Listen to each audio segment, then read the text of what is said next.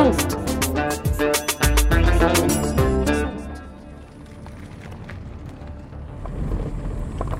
هي إحنا الآن بدنا نبدأ بطريق بيكر اللي نحاول نطل بأقرب نقطة على المزارع لعدم قدرتنا للوصول إلها في آه، بصحبتكم. كون النساء ممنوعات من النزول. هي إحنا الآن بدينا نطل مرة أخرى على الجولان من نقطة أخرى غير النقطة اللي كنا واقفين فيها في موقع معركة اليرموك اللي هي تقريبا في منتصف طريق بيكر. الآن ننزل من السيارة شوية عشان نشوف ونطلع بوضوح أكثر للنهر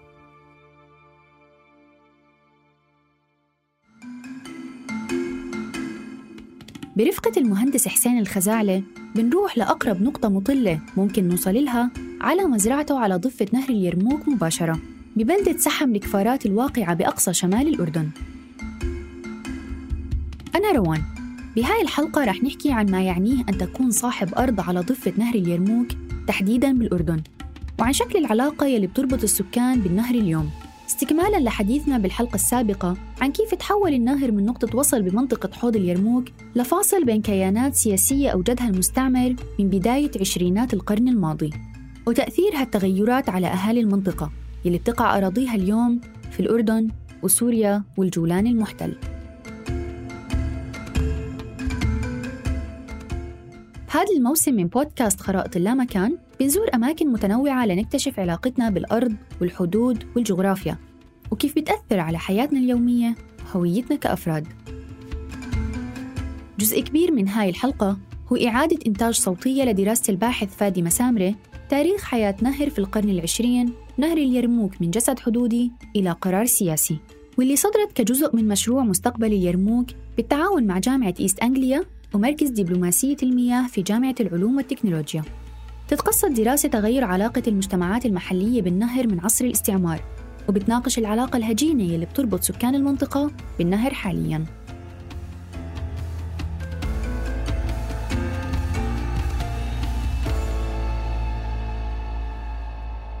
إحنا لا نبعد عن النهر سوى أقل من 800 متر وهي النهر أمامنا.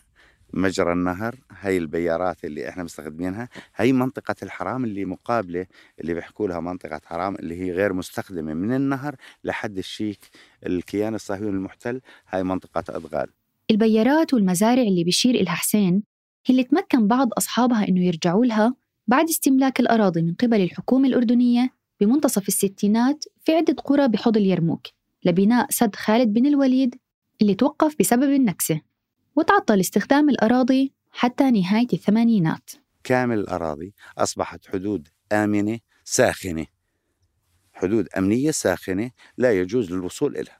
حتى قطع مستملكة مش مستملكة أصبحت منطقة ساخنة آه، بسبب احتلال الجولان. ما ما كانوا يسمحوا لأي حدا ينزل إلها مالك مش مالك عطلت. حتى إلك جزء بقي مملوك أو شيء عطل بسبب النواحي الأمنية. لغاية بدايات بعد 87 تم الهدوء واستقرار صارت بعض المزارعين تعود إلى أرضها تزرع حبوب خفيفة. مع نهاية الثمانينات بدأت الناس بالمطالبة باستعادة أراضيها وبعضهم بدأ بالنزول إلها. بيوضح الباحث فادي مسامري بدراسته إنه اللي دفع الناس لهالخطوة هو منعهم في هاي الفترة من التواصل مع النهر بشكل طبيعي والقليل المتبقي الوصول إله ممكن. بس عبر المرور بالنقاط العسكرية اللي بتقوم بتفتيش المركبات والأشخاص. هاي الإجراءات قابلها إصرار من قبل أهالي المنطقة على إعادة الاتصال مع امتدادهم أرضهم ونهرهم.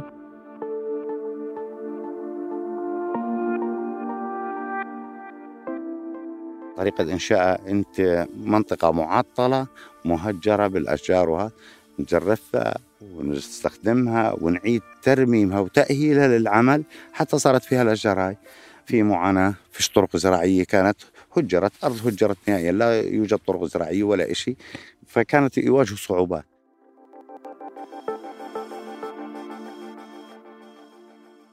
هاي الصعوبات والمتمثلة بشكل رئيسي بارتفاع تكاليف استصلاح الأراضي وطرق سحب المي من النهر للأرض كانت سبب لعدم قدرة معظم اللي كانوا بيملكوا أراضي على النهر إنهم يرجعوا لها. تمت الاستعادة استعادة بجهود شخصية. يعني كل شخص نزل استثمر عمل قطعة آه، إله واستثمر فيها. لفترة من الزمن واجهنا بعض الصعوبات طبعا من سلطة وادي الأردن أنه أنت تستخدم أرض هاي الأرض مش إلك. المقولات اللي بتنتشر علما بأنها هي أراضي الآباء والأجداد وتم الاستملاك من أجل مصلحة عامة والمصلحة العامة لم تقام وإذا كان هذا المسوغ الأول للمطالبة بالعودة للأراضي بشكل رسمي واستعادتها فالثاني هو رؤية أهالي المنطقة استغلال الاحتلال للأراضي الواقعة على النهر من الضفة الثانية والسماح لمزارعينهم بممارسة أنشطتهم اليومية فشو اللي بيمنع من استغلالهم هم برضو لأراضيهم؟ ومع ضغط الأهالي المستمر استطاع بعض سكان المنطقة مثل قرية سحم الكفارات وقرية عقربة العودة لزراعة أراضيهم في نهاية التسعينات. في حين بعضهم الآخر ما قدروا يرجعوا. هاي العودة كانت محكومة بعدة شروط. أهمها إنه اللي بده يزرع أرض على النهر لازم يستخرج تصريح من الاستخبارات العسكرية. وعودتهم تمت بدون وجود صيغة قانونية واضحة فما في سندات ملكية للأراضي اللي بيزرعوها النزول ممنوع إلا بتصريح أمني. التصريح الأمني لصاحب المزرعة. وإثبات ملكية جزء جزئية أو عقد من أحد المزارعين بيبدأ وبتقدم فيه للجهات المختصة وهي مكتب أمن العسكري. بتروح رحلة التدقيق الأمنية حتى يأخذ موافقات معينة. بيحكوا له إنه تصريحك جاهز بعد تدقيقه امنيا وتكون أموره سوية. طيب وكيف بيتم العبور للمزرعة يلي أمامنا في الرحلة اليومية من مركز البلدة لإلها؟ طريقة بالجبال المقابلة على شمالك من هناك هذيك في نقطة برج عسكري هيو قبالي منه هناك في نقطة أمنية نقطة تفتيش اللي بنسميها إحنا نقطة تفتيش العشة بنمر من عنده بنفتش سياراتنا بنسلم تصريحنا بدققوا الشباب أمنيا إنه هاي التصريح تصريح ساري المفعول. ومهما كانت مساحة الوحدة الزراعية فمسموح لكل مزارع ينزل معه بس خمس عمال أردنيي الجنسية. العمالة تبعتنا أردنيين. لما بنحكي أردنيين معناته أنا بدي أستخدم جميع عمالتي اللي موجودة داخل البلد اللي أنا موجود فيها. نقص عندي من القرى المجاورة من سحم آه، بيجينوا عمال خاصة في أثناء ذروة الإنتاج وعلى مسؤولية صاحب العمل. يعني أي خروق أو أي خلل على مسؤولية صاحب العمل لأنه يسجل على النقطة العسكرية أنه هذا العامل نازل مع فلان. فأي خلل بحدث من هذا العامل يتحمل مسؤوليته صاحب العمل أو صاحب التصريح. وأي شخص بده ينزل غير العمال برضه لازم يكون أردني الجنسية. وبينزل برفقة أحد أصحاب الأراضي على النهر ومعاه تصريح يسمح بنزوله. ورغم اعتياد أهالي المنطقة على أنه العمل الزراعي بيعتمد على تكاتف العائلة كلها الذكور والإناث سيان إلا أنه اليوم نزول الأطفال والنساء ممنوع. زمان بالبداية كانوا يعطينا التصريح مصرح له صاحب الملك وعائلته. أوقفت هذه الكلمة وعائلته أوقفت بال 2010 ل 2012 كانت أيامها لأنه سبق لما يحكي عائلته كانت تشمل الذكر والأنثى فينزل إنه هذول أولادي وعائلته وزوجته أو بنته اللي متواجدين معهم. عدا عن إنه التجديد شمل الأوقات المسموح فيها للمزارع بالنزول لمزرعته واللي محصورة فقط بساعات النهار. بالصيف من الستة للستة بأفضل الأحوال وبالشتاء للساعة أربعة بأقصى حد. أصل المنطقة محمية أمنيا بكاميرات بكل أجهزتنا الأمنية متطورة يعني المراقبة حتى المزارع أثناء حركته بمزرعته هو آه، موجود بالكاميرا وأمام الشاشات والنظام الحديث للمتابعة قبل الحديث عن كيف هاي التجديدات بتأثر على عمل المزارعين بالمنطقة سألت حسين عن تطور الزراعة بالأراضي بعد العودة إلها وكيف صار التوجه نحو الزراعة المروية اللي ما كانت منتشرة سابقاً؟ عدنا للزراعة حبوب كما كانوا الآباء والأجداد وإنتاجها مش الكم المطلوب. المضايقات طبعا والآفات الخنزير تتلف الحبوب بسرعة يعني بخسرك فورا. موسم كامل ممكن يخسرك إياه بليلة واحدة الخنزير إذا فات. آه، صرنا نتطور شوي إنه نزرع شجرة بلكي تكون أخف إيذاء إنه الخنزير بيقدر يطلع على الشجرة فوق أو شيء. فبدينا نطور شوي شوي. فنزرع على محرك صغير تبع بنزين آه اثنين إيش نسحب ميات نسقي الشجرات. يعني بتسلسل معين. لما لدينا انه الإنتاجية في إنتاجية وفي فائدة أحسن من المحصول بدينا نتطور. صار نزرع أشجار صار في استفادة من استغلال بسبب التكنولوجيا. صارت سهل إنه تعيد وتزرع أشجار على الري. بوضح حسين كيف بدأوا بزراعة أبرز منتج بيطلعوه اليوم للسوق الأردني. بالصدف طبعا زرعت الجوافة. فلما طلعت وانها من أجود أصناف الجوافة اللي موجودة بالأردن وإقبال للسوق إلها فتشجعت الناس من بعضها إنه لا بدي أزرع جوافة لدرجة إنه وصلت مية بالمية جوافة. بعدين بدأت الناس تتطور تدخل الحمضيات. يعني الاعتماد هسه كميات الأشجار الموجودة بالمزارع هاي كميات كبيرة و90% منها جوافة. أنا الآن في عندي مزرعة طبعا داخل جديد بقوة فيها 50 شجرة مانجا. ومانجا من الأصناف حلوة وممتازة العام والعام لها إنتاج. هاي المزروعات بتحتاج لمتابعة دائمة والتجديد الأمني المتعلق بعدد ساعات العمل المسموح وعدد العمال العاملين بسبب تحديات للمزارعين خاصة في فترات الإنتاج. الشجرة اللي بنتعامل معها شجرة حساسة جدا. يعني إذا ما قطفتها باليوم الأول ثاني يوم إنتاجها على الأرض وأتلف. فالحساسية هاي فبنحتاج العمالة ديمومتها بدها ثلاث عمال فأثناء فترة الإنتاج بدها 10 و15 فهون بصير شوية عناء وضغط علينا إنه من حيث النواحي تطورت في العام بجزء أنا مارست العملية إنه طلعت وراجعت إنه أنا بدي عمال زيادة لأنه عندي إنتاج الآن فاعطوني ثمان عمال بالإضافة لتصريحي اللي موجود عندي. فبتصير الأمور يعني أسهل شوية عشان نزيد الإنتاجية أو نقدر نسيطر. وهي الزيادة إن تمت الموافقة عليها بتكون محددة بفترة لا تزيد عن 60 يوم. منطقة طبيعة تغورية يعني بحاجة لوقت البراد حتى للمحرك حتى للأشخاص لأداء العمل. فمن هون التوقيت بإيدينا. فالتوقيت إحنا بن كثير بنفضل إنه يعطيني المساحة الكاملة للعمل لأنه فترة الظهيرة لا يستطيع العامل بالمنطقة الغورية يعطيك أي نتاج وعدم قدرة تواجد المزارع بشكل دائم في مزرعته بعرضها لاعتداءات الخنازير البرية. قاعدة بتتلف لنا بالليل مزارعنا وما بنستطيع إنه مقاومتها بسبب إنه آه، منع وجود المزارع في مزرعته في المنطقة في المساء.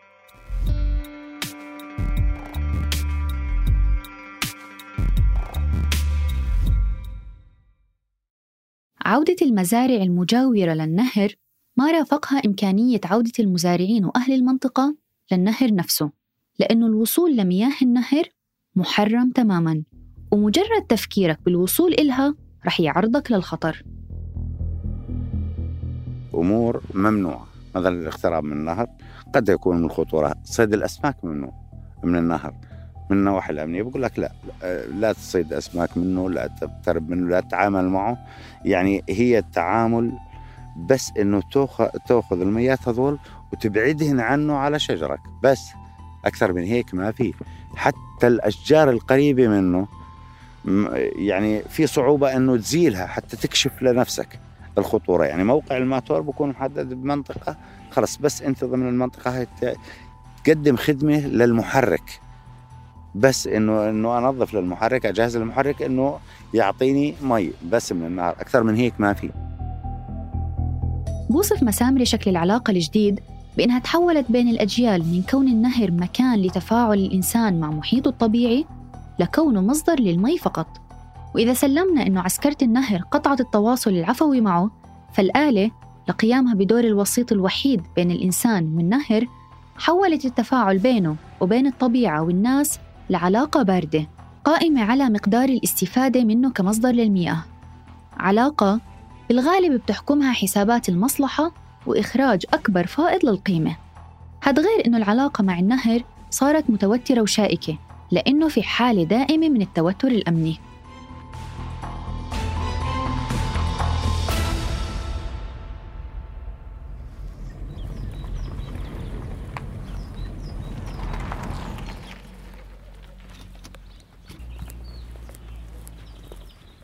من سحم الكفارات بنروح للعدسية الشمالية واللي أراضيها ما كانت ضمن ما تم استملاكه من قبل الحكومة بالستينات إلا أنه نالها رياح التجديد الأمني اللي أصاب قرى حوض اليرموك بالأردن.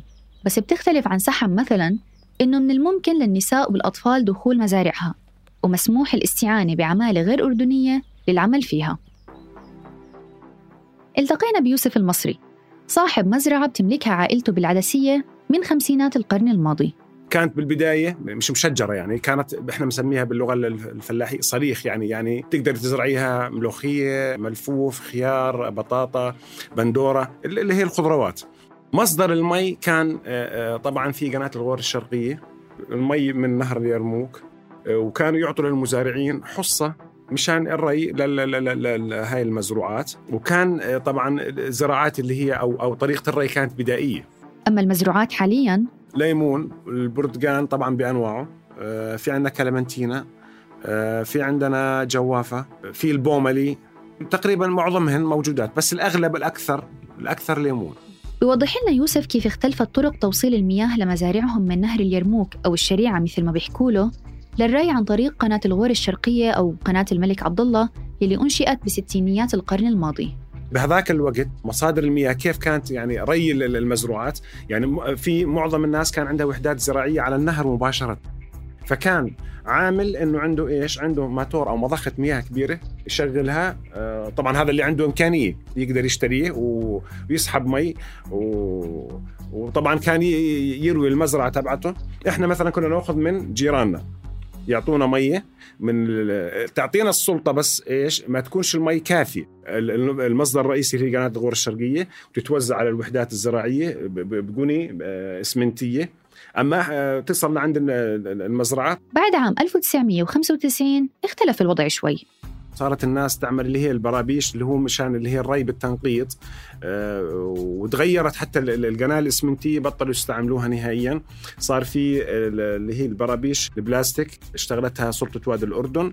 كان زي ما تقولي مثلا هاي هون في مثلا وحدة تبعنا مثلا في اللي هو بسموه ال riser اللي هو آه، يعني آه، بوزعوا لك عليه المي مثلا كمية مي اليوم مثلا بالساعة الآن أصبح. وداخل المزرعة جوا طبعا بكمل هذه إنه كل مزارع الآن عنده اللي هي البرابيش البلاستيك وفرع منها اللي هي الأصغر البرابيش اللي هي بتسقي كل شجرة أو آه، لحال. اللي هي مصدر مي برضه من الشريعة. بالضبط. آه هي قناة الغور الشرقية اللي بتأخذ من الشريعة. وهل المي اللي بتوصل المزارع عن طريق سلطة وادي الأردن كافية؟ المي شهية. يعني المي مش كافية بشكل عام بمنطقة الأغوار. إنه شح المياه بالمنطقة؟ يعني مش عارفين ليش وشو السبب بالرغم إنه كان الموسم المطري يعني مثلا كويس. بس تخزين مياه أتوقع ما كان صح. و... وإلنا سنوات مثلا بنعاني من هذا الموضوع وما زلنا بنعاني منه. بصاحب استياء مزارعي وسكان المنطقة من عدم وفرة وكفاية المياه أسئلة استنكارية مستمرة عن الإجراءات اللي اتخذتها الدولة الأردنية في سبيل توفير المزيد منها. وعن مثلا عدم كفاية آليات الحصاد المائي وجمع مياه الأمطار في المنطقة. على عكس سوريا فبمنطقة حوض اليرموك من جانبها في 32 سد إلا أن الأردن ما أنشأ غير ثلاث سدود بالإضافة لسد الوحدة المشترك مع سوريا. فالأردنيين بنظروا لواقعهم بخيبة. كان أملنا كبير وكان يعني إنه إنه يعني حسبنا الأمور إنه راح آه، يعني كثير مشاكل مثلا بالري الزراعي حتى لو بدهم يحلوا مية السد مثلا كانهم يستفيدوا منها للمنازل مثلا. يعني كان طموحنا أكبر من الواقع اللي إحنا فيه الآن. فسد الوحدة المفروض إنه حل مشكلة. المفروض إنه حل المشكلة وما بعرف آه، صراحة يعني شو كمية المياه الموجودة فيه الآن يعني. بس إنه كفائدة زراعية أو كفائدة. هاي المزارعين كلهم اسأل أي مزارع بمنطقة الأغوار ويعني أكيد بيعاني من شح المي. فللأسف.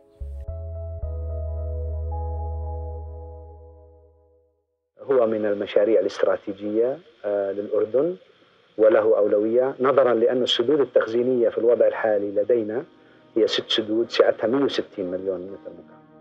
سد الوحدة بدأ بناؤه عام 2004 بعد عدة عقود من المفاوضات بين الأردن وسوريا لإقامة سد مشترك بيوفر المياه للأردن وبيزود سوريا بالكهرباء. إلا أنه حوض اليرموك خلال هاي العقود شهد تغيرات أدت لاختلافات كبيرة في كل المشهد المائي في المنطقة ومن ضمنها نهر اليرموك. فمن ناحية حفرت آلاف الآبار الجوفية على جانبي الحوض ومن ناحية تانية أنشأت سوريا العديد من السدود مختلفة الأحجام ومدت لها شبكات ري لإيصال المي للأراضي الزراعية. نتج عن هاي التغيرات إنه نهر اليرموك ما عاد بإمكانه يوفر المي اللي كان يوفرها في الخمسينات. إحنا الآن بموقع آه، جبل الشايحة المطل على النهر قبالنا الحمى السورية القديمة بلدة المخيبي من الموقع هذا المرتفع اللي يبعد عن النهر حوالي ثلاثة كيلو تقريبا. كانوا الختيارية القدامى لما يصل المنطقة هاي يقول الآن الشريعة زايدة من شدة صوت خرير المي واندفاعها مع الواد إنه يصل لعندهم بالمسافة هاي. ومن مصطلحهم القديم تقولوا بهدر تهدير الشريعة دلالة على شدة الصوت وهي منحدرة أثناء النهار وخاصة في أيام الشتاء لأنه بزيد التدفق تبعها. الآن للأسف الشريعة صارت أعظم نقطة فيها بتقطعها وبتصل لعندها ما بتسمع صوتها دلالة على كمية نقص المياه المتدفقة من المصدر الرئيسي للنهر عدا عن أنه الأردن اللي احتلت إسرائيل مصادره المائية عسكرياً ما استرد حقه فيها بعد دخوله في مفاوضات السلام معها. وتوقيع المفاوض الأردني والإسرائيلي لمعاهدة وادي عربة عام 1994 sacrificed along the long road that brought us to this day. You will take the hatred out of hearts.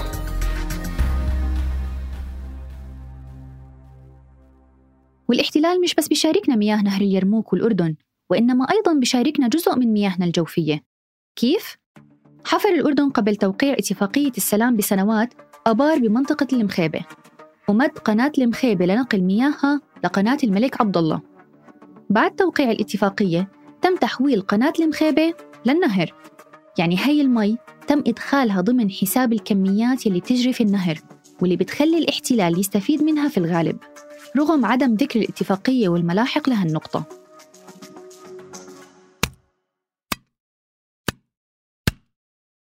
وبالعودة للمزارع اللي رجع تفعيلها العمل فيها أعاد للبعض مصدر رزق حسن من وضعه المادي وشغل أبناء المنطقة تحديدا في مواسم الإنتاج. كل الجهات مستفيدة وهي حركة اقتصادية غيرت بمسار أهل البلد أقل ما في ظهر. منهم من درس أطباء وطلاب جامعيين وما زالوا. لليوم هذا أنا من الناس اللي درست ست أبناء. أصغرهم الآن آه، سنة ثانية هندسة من إنتاج المزارع الموجودة آه، اللي بنشتغل فيها إحنا. لكن بشير مسامرة إنه هاي الزراعة عبارة عن تنفيس لأزمة. وما بتشكل توجه جدي لقطاع اقتصادي فعال. فمع عدم وجود شكل علاقة ملكية قانونية واضحة للأراضي اللي استعادها أصحابها وصغر مساحة قطع الأراضي المستثمرة وعدم وجود جمعيات زراعية ذات تنظيم صلب بالإضافة لشرط عدم السماح بالوصول لهاي المنطقة إلا لحملة الجنسية الأردنية أدى لعدم تشكل نمط من الزراعة يمكن التعويل عليه اقتصادياً. والتحديات مش مقتصرة على أصحاب الأراضي المستعادة. إنما على مزارعي عموم المنطقة. من بعض التحديات مثلا أنه صار المزارع آه، يتعب على شجراته على آه، محصوله. بالنهاية مثلا مثلا بدي أنزل بضاعتي على السوق زي أي مزارع آه، يعني هاي هذا التحدي الأكبر بسميه. بدفع وأتكلف بمبالغ والمردود ممكن أخسر وصارت وخسرت. طبعا صارت عند كذا حدا. ما يبيعش المنتج مقابل إنه مثلا يعني يعني كيف بدي أبيعه وأنا مش جايب مثلا أجرة نقله أكثر من سنة صار هذا الموضوع وما تعالج. فإحنا ليش نقول إنه مثلا فيش إنتاج زراعي؟ لا في إنتاج زراعي وبتعب عليه المزارع خاصة بالمناطق المروية ولكن بالمقابل فيش مردود. إحنا فقدنا الارتباطات وسبب فقد الارتباطات المنع. الجيل الجديد هذا إذا ما شافه أنا طمسته من الذاكرة. وأنا بخاف من نهر اليرموك وعشقنا للنهر والأرض الخصبة اللي بالنهر إنه يفقدوها أبنائنا ما يكون له أي ارتباط معها لأنه ما ما شافها ما عاش معها. هسا إحنا ليش بنعشق المواقع؟ لأنه عشنا معها عشنا بتاريخها بأحداثها بتطوراتها. عشنا مثل ما حكوا لنا الختيارية حلوها ومرها فصار الترابط هذا بالتربة والأرض ما ما بنبع بالخيال إلا إذا لامسه الواقع. أنا قاعد قديش بحكي لك عن النهر؟ قديش بحكي لك عن شجرة الجوافه اللي على النهر حلوة وجميلة أو شجرة المانجا؟ أنت بتتخيلي تخيل فقط. لكن إذا أنت وقفتيها وانطبعت بالذاكرة والله لو بتعيشي مليون سنة لتبقى الصورة بالذاكرة وتحني لهذا الموقع ولهذا ولهي الشجرة. العسكرة يلي أصابت النهر خلت حالة السلم مع الاحتلال الإسرائيلي أشد وأصعب على أهله من حالة الحرب. فما كان مراقب ومقيد زي ما هو بالشكل الحالي حتى في السنوات اللي كان فيها نقطة للاشتباك والقتال مع الاحتلال. غير إنه تقييد الوصول إله وتجديد الاقتراب منه ومنع ممارسة الأنشطة فيه أشد بالجانب الأردني مقارنة بجانب الاحتلال الإسرائيلي.